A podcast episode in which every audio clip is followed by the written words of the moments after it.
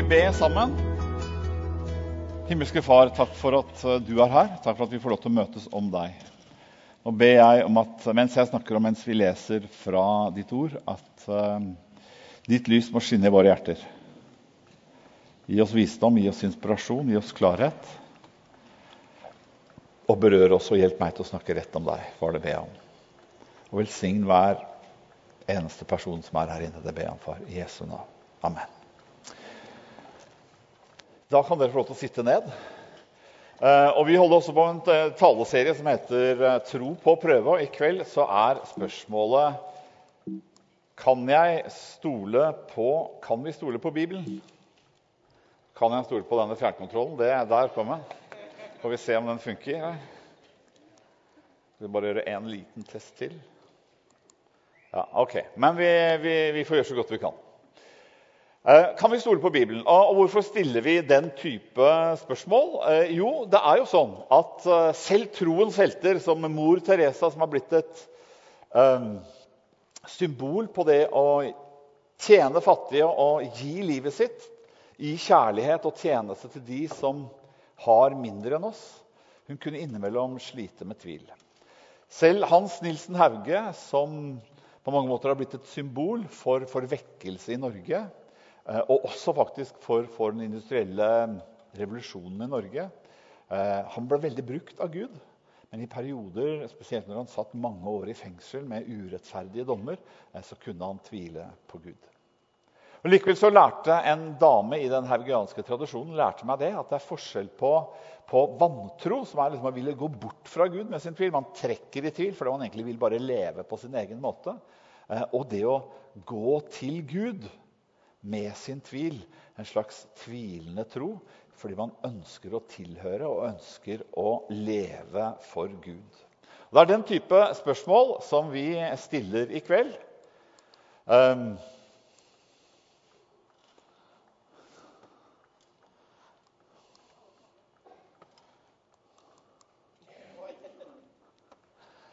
og de spørsmålene er altså um, Jeg tror egentlig vi gikk litt langt der. Men ok, det er greit. Eh, det ene er spørsmålet om historisk eh, sannhet. Eh, er Bibelen mer enn på en måte myter om hvordan livet er? Er det, er det et historisk, troverdig vitnesbyrd om hva som hendte med Jesus Kristus? Det andre spørsmålet er spørsmålet om eksistensiell mening. Er er, er, Bibelen noe som er verdt å, å bygge livet sitt på? Noe, noe, jeg kan tro på uansett hva jeg møter i livet? Eller er Bibelen bare, som vi fort kan gjøre den til i vår tid, liksom en av mange visdomsbøker som er, liksom, som er en meny av selvhjelpsbøker eh, som, som, handler på en måte om hvordan jeg skal lykkes med mitt liv? Jeg skal si litt om den kultursituasjonen som vi befinner oss i også.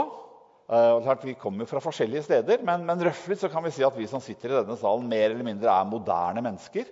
Uh, og Det moderne prosjektet begynte på mange måter på 1500-tallet med filosofen René Descartes, som kunne tvile på alt mulig. Men er én ting kan jeg i hvert fall slippe å tvile på, og det er at jeg tenker. Og så sa han på latin 'cogito ergo sum', uh, som betyr ikke bare 'jeg tenker, derfor er jeg', men 'jeg tviler, derfor er jeg'. Og Så fikk vi den moderne vitenskapen som har trukket alt i tvil. og på en måte Høydepunktet i liberal teologi kan vi si, var på 1800-tallet, hvor man prøvde å finne fram til den historiske Jesus. Dommen ble felt på 1900-tallet av Albert Schweitzer, som senere fikk nobelprisen. Han var også da forsker på dette, og han sa at det er veldig vanskelig å komme fram til dette. Fordi når jeg ser på forskerne som bare er for 20-25 år siden, så ligner de veldig lite på det jeg tror var den historiske Jesus. For han var tross alt en jøde som levde det første århundret. Det som er igjen når man har skrellet bort alt som man ser på uhistorisk, så står det en moral, morallærer som er ganske lik disse forskerne selv, nemlig en tysk middelklasseborger på 1880-tallet. Så Faren er veldig ofte at vi nærmer oss Bibelen på en måte sånn, og vil klippe og lime, og så blir Gud lik oss. Og Så er jo spørsmålet da om Gud er større enn oss. Og fra slutten av 70-tallet og begynnelsen av 80-tallet så begynte man også filosofien å snakke om det som er det postmoderne, som betyr det ettermoderne, folk som jeg vil si det senmoderne. Og Da begynte man å tenke blant annet ut fra en filosof som heter Nietzsche, at veldig mye vitenskap det er egentlig bare vilje til makt. Feminister ville f.eks. si at ja, det er helt riktig, som Sveitser sa. Eh, denne Jesus som fremsto som den moralske læreren på 1800-tallet, han var preget av at det var menn som skrev. Det var menns moral, det var menns Jesus som fremsto. Og så har imidlertid også sånn senmoderne feminister som har kommet litt etter det, de har også begynt å tenke at ja, men vi også, vår kvinnelige Jesus som du vil, er jo kanskje også et uttrykk for makt. Og Hvis alle sånne historievitenskapelige fortellinger egentlig er et uttrykk for makt, hvem kan vi da tro på? Og når vi da er i den såkalte postmoderne tilstanden, som en fransk filosof som het Lyotard kalte det, så blir det jo veldig fort sånn at vi ikke har noen objektive ting å leve etter. Men moralen blir veldig ofte hva er det jeg opplever som sant, hva er det jeg føler er rett. Og, og så vender vi oss. Eh, som en norsk psykolog har sagt, det er innover vi må gå. Men da sier han det ironisk, for han vet at også dette vi vender oss mot, vårt eget selv, er ganske flytende. Eh, og så betyr det at vi plutselig befinner oss i en veldig us usikker situasjon i den postmoderne tilstanden. Kanskje har vi kommet et lite knepp etter det nå. Fordi klimakrise og andre ting hjelper oss til å stille objektive spørsmål. Vi vet at kan, Jeg kan liksom ikke stå opp i dag og si ja, hvordan kjenner jeg det i dag. Føler jeg det er klimakrise i dag, eller føler jeg det ikke? Så venner vi oss til forskningen, men forskningen er ikke helt entydig. FNs klimapanel, som de fleste av oss tror på, mener at klimaendringene er menneskeskapt, og at vi må gjøre noe med det. at det haster å gjøre noe med det. Men vi vil også møte andre som støtter seg på former for forskning, og som sier altså det er såkalte klimarealister, eller vi da kanskje det andres øyne klimaskeptikere. Det sier jo litt også om hvor vanskelig det er å slå fast ting helt, helt, helt og på å si ufeilbarlig ved hjelp av vitenskap. Og hvilke ord skal vi da bruke når vi spør kan jeg stole på Bibelen? Jeg tror det beste utgangspunktet må være å eh, starte da med de historiske spørsmålene. Og Da handler det også om at historievitenskap er ikke en helt presis vitenskap, eh, men vi kan si noe. Og Det første spørsmålet er har Jesus levd. Og Det er ganske stor sannsynlighet vil også folk som ikke er kristne og tror på kristendommens budskap, vil si at ja, Jesus fra Nasaret har levd. En av grunnene til det er at vi kan finne jødiske kilder, Talmud f.eks., som bekrefter at Jesus gjorde under, helbredet syke, men det vil si han gjorde det ved onde ånders makt. Altså Vi finner en historisk kilde som er kritisk til Jesus. De sier at han ikke har levd, eh, men de sier at han var en annen enn den han utga seg for å være. Så det er ganske klart derfor, selv om også noen vil betvile det, at Jesus har levd. Det andre vi kan stille om, er er kildene eh, presise eh, nok for å si det. Og Jeg skal ikke bruke lang tid på det. Jeg ville bare si at De kildene vi har når det gjelder avstanden mellom når de ble skrevet, og de eldste dokumentene vi har, så er avstanden i noen tilfeller kanskje bare 40 år når det gjelder deler av Johannes-evangeliet f.eks. Mens vi, når vi snakker om eh, Aristoteles, Platon osv., så, videre, så er det flere hundre år mellom ting ble sagt, og de håndskriftene som vi har i dag. Jeg skal komme tilbake til akkurat dette med troverdigheten. Men det avgjørende spørsmålet er egentlig om Jesus sto opp fra de døde. For hvis det er sånn at Jesus ble dømt til døden fordi han sa han var Guds sønn, eller Messias, den levende Guds sønn, og hvis Gud, som Paulus sier, vitnet for Jesus ved å reise ham opp fra de døde, som det eneste mennesket som har stått opp fra de døde på den måten, da må det bety at det Jesus sa, har en uvanlig stor autoritet. Derfor har også spørsmålet om Bibelens autoritet knyttet sammen med Jesu oppstandelse. Det viktige er likevel å si at når vi nå skal nærme oss Bibelen, så kan vi på en måte ikke nærme oss det på samme liksom, naturvitenskapelige måte som vi diskuterer klimaendringer. Men vi må være opptatt av hva Bibelen sier om seg selv. Hva presenterer Bibelen seg som? Og kanskje er det, en, det er jo hundrevis av sjangere. Det er poesi, og det er løfter, og det er profeti, og det er mange ting i Bibelen. Men kanskje er den grunnleggende sjangeren i Bibelen nettopp vitnesbyrdet Og Teksten som vi ser her, er fra begynnelsen på Lukasevangeliet. Eh, hvor Lukas sier til de første kristne og Den første kristne hadde ikke noe lett liv. Det kostet. Det var periodevis i hvert fall geo, eh, små lokale forfølgelser. Og vi vet at de første kristne ble kastet ut av synagogene. For eksempel. Da stilte de seg spørsmålet er det som jeg tror på, pålitelig. Og da svarer eh, Lukas her. Mange har forsøkt å gi en fremstilling av det som har blitt oppfylt blant oss, slik vi har fått det overlevert av dem som helt fra først av var øyenvitner og tjenere for ordet. Når også jeg bestemte meg for å gå nøye gjennom alt fra begynnelsen av og skrive det ned for deg i sammenheng, ærede Theofilus, så du kan vite at det er pålitelig, det du har fått opplæring i.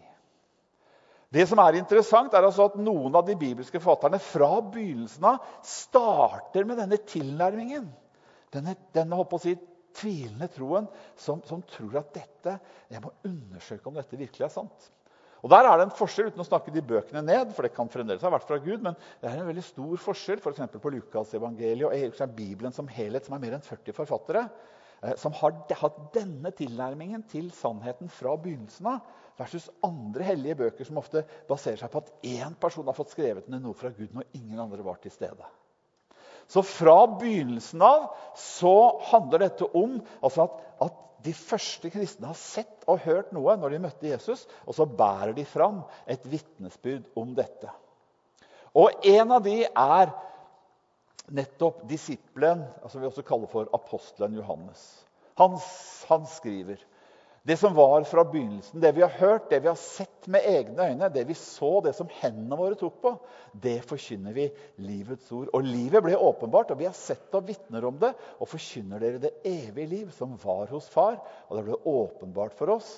Det som vi har sett og hørt, det forkynner vi for dere. Bibelen sier også, og Johannes sier at han vitner om at Gud har vist oss hvem han er i vår historie som mennesker i Jesus fra Nasaret. Og Det er ikke bare informasjon, altså som Gud kom på besøk og sier 'hallo, jeg fins'. Men det er en invitasjon. Han kom med en invitasjon til å leve i fellesskap med seg. Til å dele, oppleve, erfare og dele den kjærligheten som er i Gud og fra Gud til oss. Og så leve ut den i Guds drama.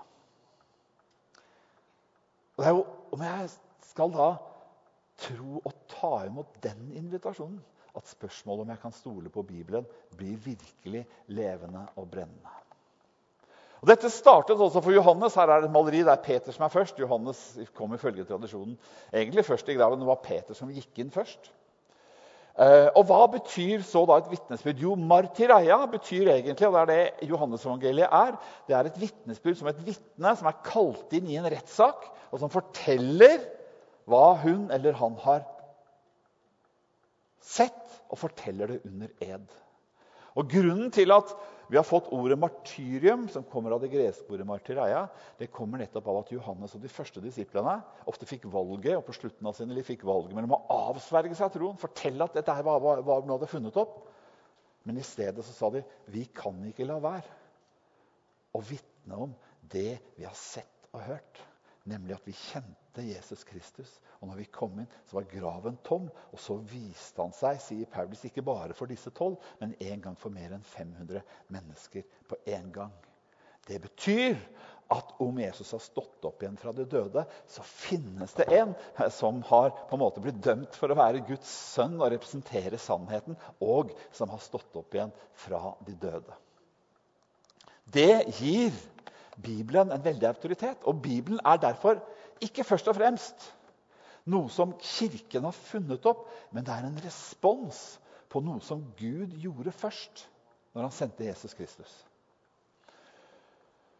Og Derfor var det også sånn at det vi i dag kjenner til som Det nye testamentet, eller Det nye testamentets kanon, boksamling Det var mange skrifter som liksom utga seg for å hente fra Jesus. Men de første kirkene og Dette ble ikke bare gjort sentralt, som noen sier, men det var mange lokale kirkemøter i lokale kirker som la kriterier til grunn. Nemlig at tekstene måtte gå tilbake til et sånt øyenvitne, en apostel, eller til en nær medarbeider som Lukas eller Markus, som ifølge tradisjonen var Peters tolk. Så måtte man sjekke ut at dette hadde vært brukt og eksistert i kirken over lang tid. Eh, altså at det hadde en alder, Og til sist måtte det stemme med de skriftene eh, som var de mest sentrale. Og På det grunnlaget så kom alle disse kirkene røftlig, med noen, kanskje én bok der, én bok der, eh, så, som blir bra, til det samme grunnlaget. Og det er det som vi i dag kjenner som Det nye testamentet.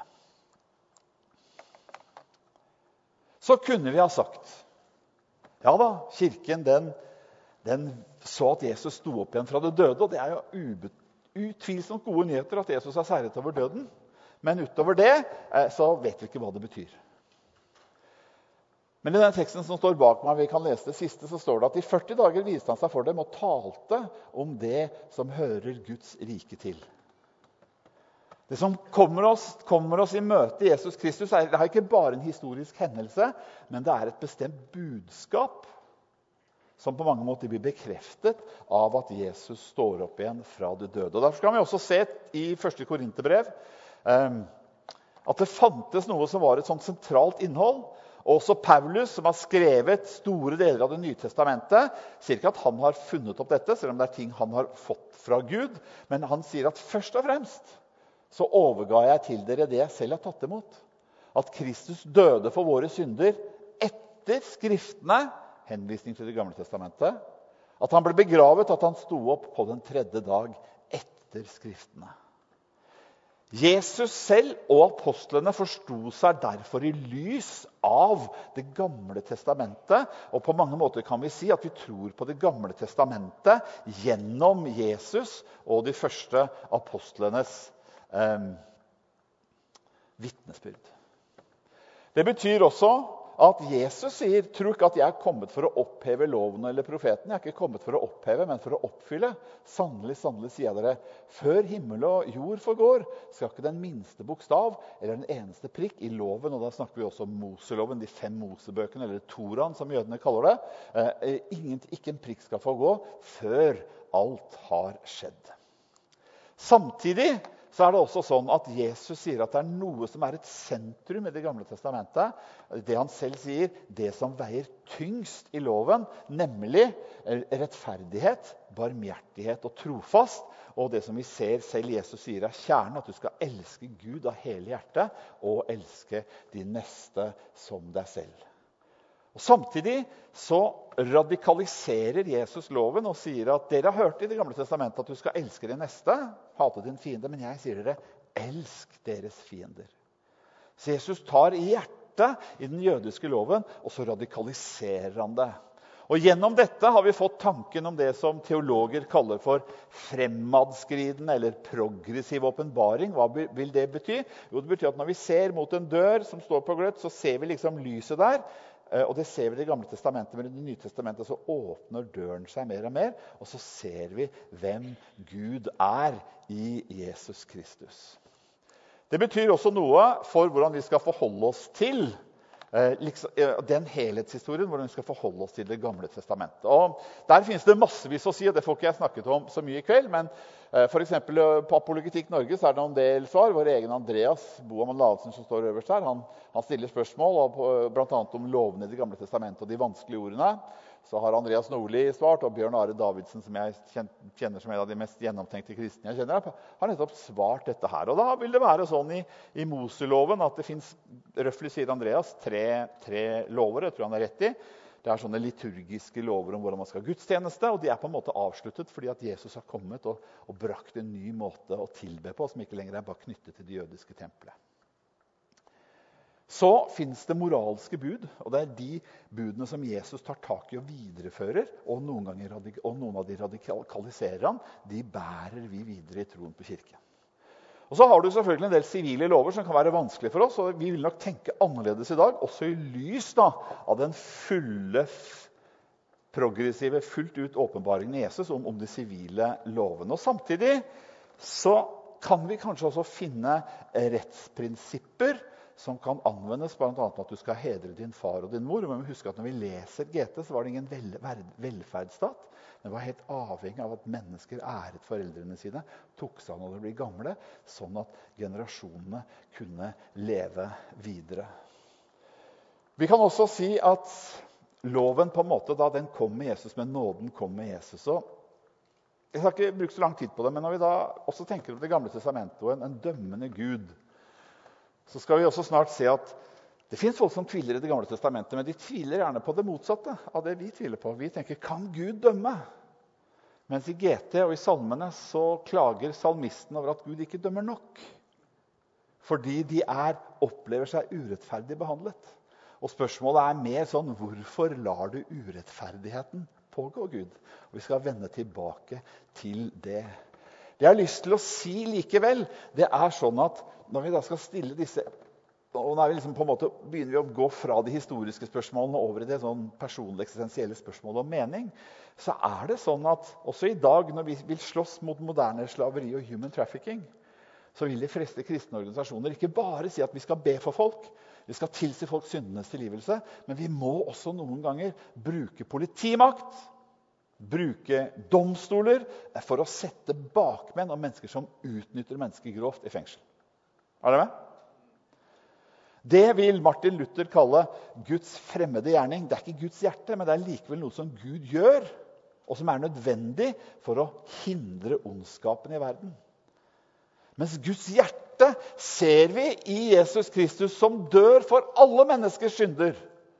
Enten de er politisk korrekte eller ukorrekte. Alle mennesker synder har, alle mennesker har Gud en så stor kjærlighet til at han gir sitt eget liv. Derfor kunne også Luther si at politimannen han må nok sette folk i fengsel. Men det beste han kunne gjøre, det var også å forkynne evangeliet og vise en kjærlighetens vei og peke på en nådig Gud. Så Guds egentlige gjerning ser vi på korset når Gud gir sin egen sønn. Og kjærlighet, og så får vi lov til å tro på og overgi oss til den Gud som har vist oss hvem han er i Jesus Kristus. Og Da er vi også over på de eksistensielle spørsmålene. Som alle mennesker stiller seg, gir Bibelen et svar på meningen med livet som, inne, som, holder i møte med livet som det faktisk oppleves. Og Her er det viktig å si at Bibelen også først og fremst eh, representerer et løfte om, om, fellesskap med Gud. Og Jesus sier, 'Den som elsker meg, vil holde fast på mitt ord, og min far skal elske ham, og vi skal komme til ham og ta bolig i ham.' Det betyr at kanskje hvis jeg brukte litt mindre tid på Netflix, litt mer tid på å bli fylt av Guds ord, så vil jeg så oppleve at Gud i enda større grad får innflytelse og makt og lever gjennom meg. Fordi Bibelen er et levende ord som bringer Guds kjærlighet inn i livet mitt. Så Det er jo kjernen. Selv om denne prekena da litt også skal svare på de litt vanskelige spørsmålene, så er det jo dette som er de gode, de gode nyhetene om dette.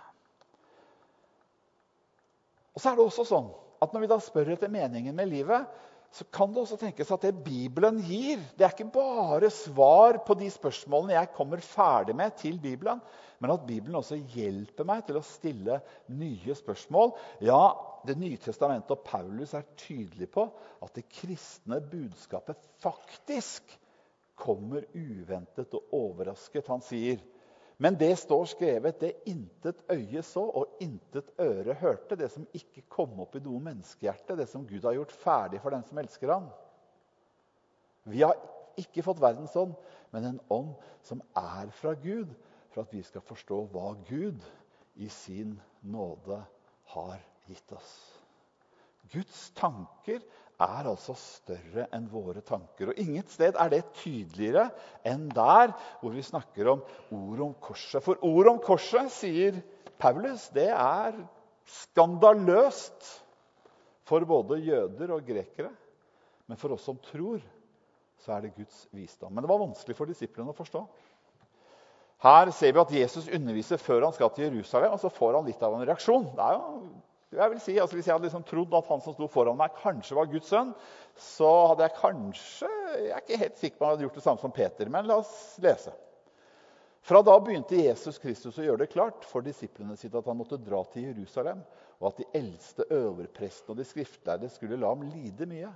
Han skulle bli slått i hjel, og den tredje dagen skulle han reises opp. Da tok Peter ham til side, ga seg til å rettesette ham og sa, 'Gud fri deg, Herre. Dette må aldri hende deg.' Kan dere tenke at Peter også tenkte at dette må ikke hende meg? Hadde kanskje tenkt at vi skulle inn der nå, så skal vi bare liksom overta Jerusalem? Jesus blir øverste prest. Jeg blir borgermester. Herodes kan fortsette som konge, men kanskje sønnen min eller datteren min kan gifte i familien. ikke sant? Så her har vi det. ikke sant? Nå har vi realisert Guds rike på jord. Så viser det seg det da, at Jesus ikke kommer med makt, men han kommer med som en sårbar profet, som også kan avvises. Og som bare en uke etter at folk har ropt Hosianna til ham, blir korsfestet. Og gjennom det så vinner Gud en seier over ondskapen. Gjennom det så er det det tjenende lederskapet eh, som vinner seieren over alle hersketeknikkene. Og gjennom det så fullfører Jesus også det som fører til at vi kan få våre synder tilgitt og bli frie. Guds visdom er altså annerledes. Og Derfor er det også sånn at når det kommer til det korset som Jesus inviterer oss til å bære, at det er en slags vending til Gud. For han sier Først så sier han til Peter eh, Vik bak meg, Satan. Og så er det selvfølgelig også en trøst da, for oss som innimellom kan ta feil teologisk, at selv Peter kunne jo senere bli en viktig kirkeleder. Men så sier han deretter sa Jesus til disiplene om noen vil følge etter meg, så må han fornekte seg selv, ta sitt kors opp og følge meg. For den som vil berge sitt liv, skal miste det, men den som mister sitt liv for min skyld, skal finne det. Og Her ser vi at Bibelen er mer enn en selvhjelpsbok. Akkurat på det bibelverset her skal man kanskje si det er verdens dårligste selvhjelpsbok. For det første så kommer det en frelse hvor du ikke hjelper deg selv til å bli frelst. Og For det andre så skjer det en dreining i forståelsen av Bibelen. For vi har alle sammen det i oss at vi veldig fort leser livet vårt som et drama i stedet for å lese Bibelen som Guds drama. Og I vårt drama så er det vi selv som er hovedperson, og Gud kan ha en veldig viktig birolle. Og Den er først og fremst å bekrefte mitt selvbilde og hjelpe meg gjennom livet. Skjønner du hva jeg sier? Men det som skjer i møte med Jesus, det er at rollene byttes om. Jeg skjønner at jeg finner meg selv, som Frans Alcisti sier, med å miste meg selv.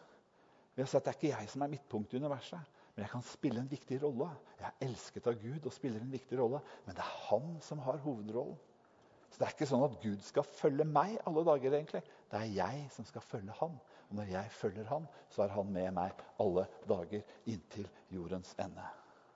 Og Derfor så er det her veddemålet ganske svært, for det er en kostnad ifølge Jesus å ikke følge hans ord også. Og Samtidig så kan vi stille spørsmål om det er sant. Kan vi stole på det? Og Da er det fascinerende at Bibelen, om den er Guds egen bok som vi tror den er, ikke bare er monolog fra Gud. Den starter i Salme 1, f.eks. Salmenes bok starter egentlig på, si, på samme måte som ordspråksboken. sier at om du følger Guds lover, om du gjør de rette valgene som er lagt ut i loven, så vil du leve et godt du vil høst, Sår du et godt liv, så vil du høste et godt liv. Som det står i Salme 1.: Den som grunner på Herrens lov, alt skal lykkes for han eller henne. Og da tenker vi, wow, Her har vi oppskriften på et godt liv. Men samtidig så ser vi allerede i Salme 10 at salmene sier Gud, hvorfor er du så langt borte? Hvorfor skjuler du deg i trengselstider? Salme 13 sier, 'Hvor lenge, Gud, skal vi vente på din rettferdighet?'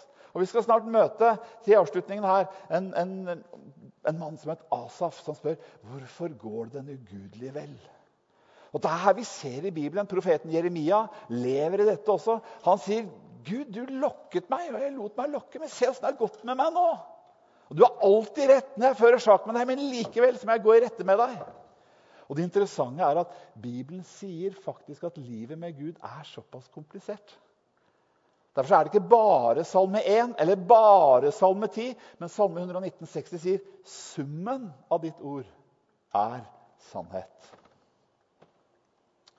Og Da møter vi også dette, dette dramaet i Asaf.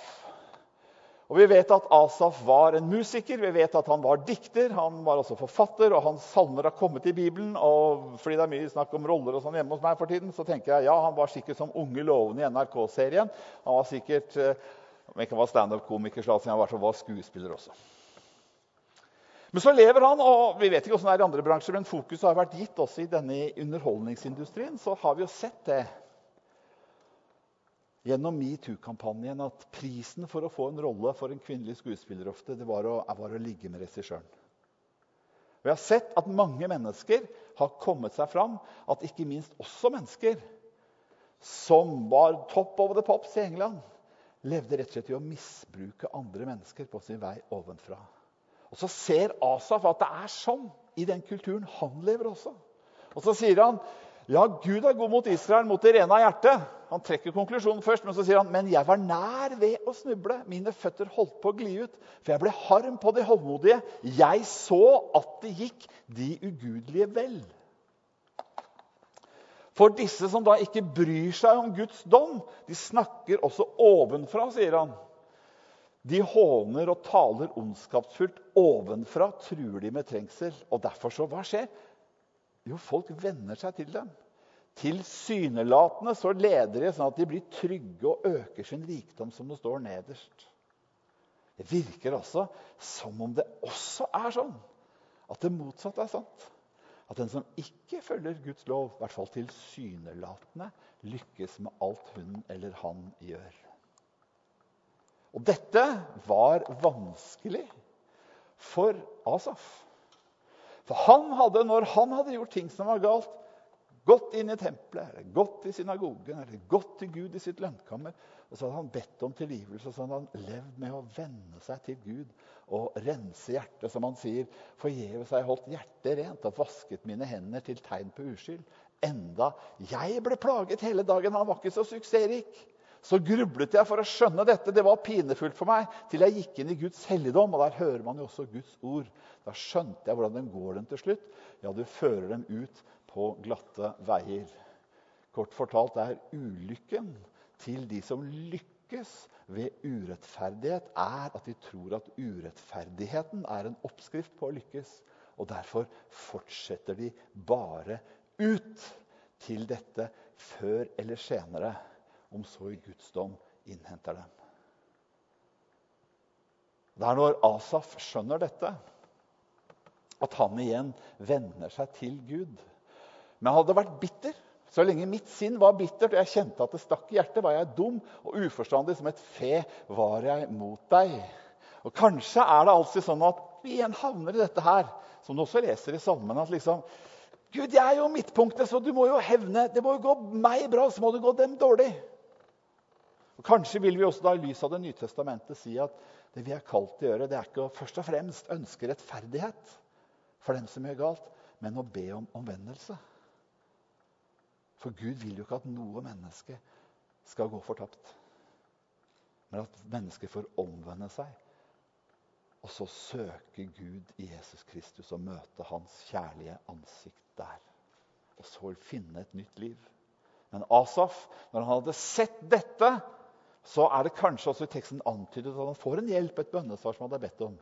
Men uansett om han fikk det eller ikke, så sier han, 'Men jeg blir alltid hos deg.' 'Du har grepet min høyre hånd. Du leder meg med ditt råd.' 'Og siden tar du meg opp i herlighet.' Det finnes en vei som er veien med Gud. Og det er sånn som de to bøndene som sto på Jæren, og den ikke-kristne bonden sa til den kristne sa, se på, se på åkeren min. Den er akkurat like fin som åkeren din. Da svarte den gamle kristne jærben og sa jo, men så er det ikke sikkert at Gud gjør opp regnskapet nå i september. Det kommer en dag som Bibelen sier at fordi Jesus har stått opp, så skal vi også stå opp. Og Da sier Paulus at den dagen, da vil vi se at det er sant, det Bibelen sier. Den som sår i sin syndige natur, skal høste undergang av den. Den som sår i ånden, skal høste evig liv ved ånden.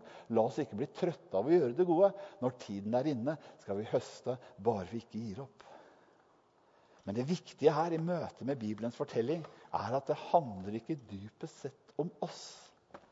Det handler om Han som ikke søkte sannhet som en vilje til makt, men som faktisk ga avkall på sin makt og det er det siste ordet jeg skal si på en stund. Han Jesus var i Guds skikkelse, men så det ikke som et røvet gods å være Gud lik. Han ga avkall på sitt eget, tok på seg en tjeners skikkelse og ble menneskelik. I sin ferd var han som et menneske. Han fornedret seg selv og ble lydig til døden, ja, korsets død. Derfor har Gud høyt opphøyet ham og gitt ham navnet over alle navn, for at hvert kne skal bøye seg i Jesu navn, i himmelen og på jorden og under jorden, og hver tunge bekjenne Jesus Kristus er Herre, til Gud Faders ære. Den dagen vil vi se ja, ditt ord, det er sant. Og så skal vi tilbe ham i evighet. Ære være Faderen og Sønnen og Den hellige ånd, en sann Gud fra evighet og til evighet. Amen.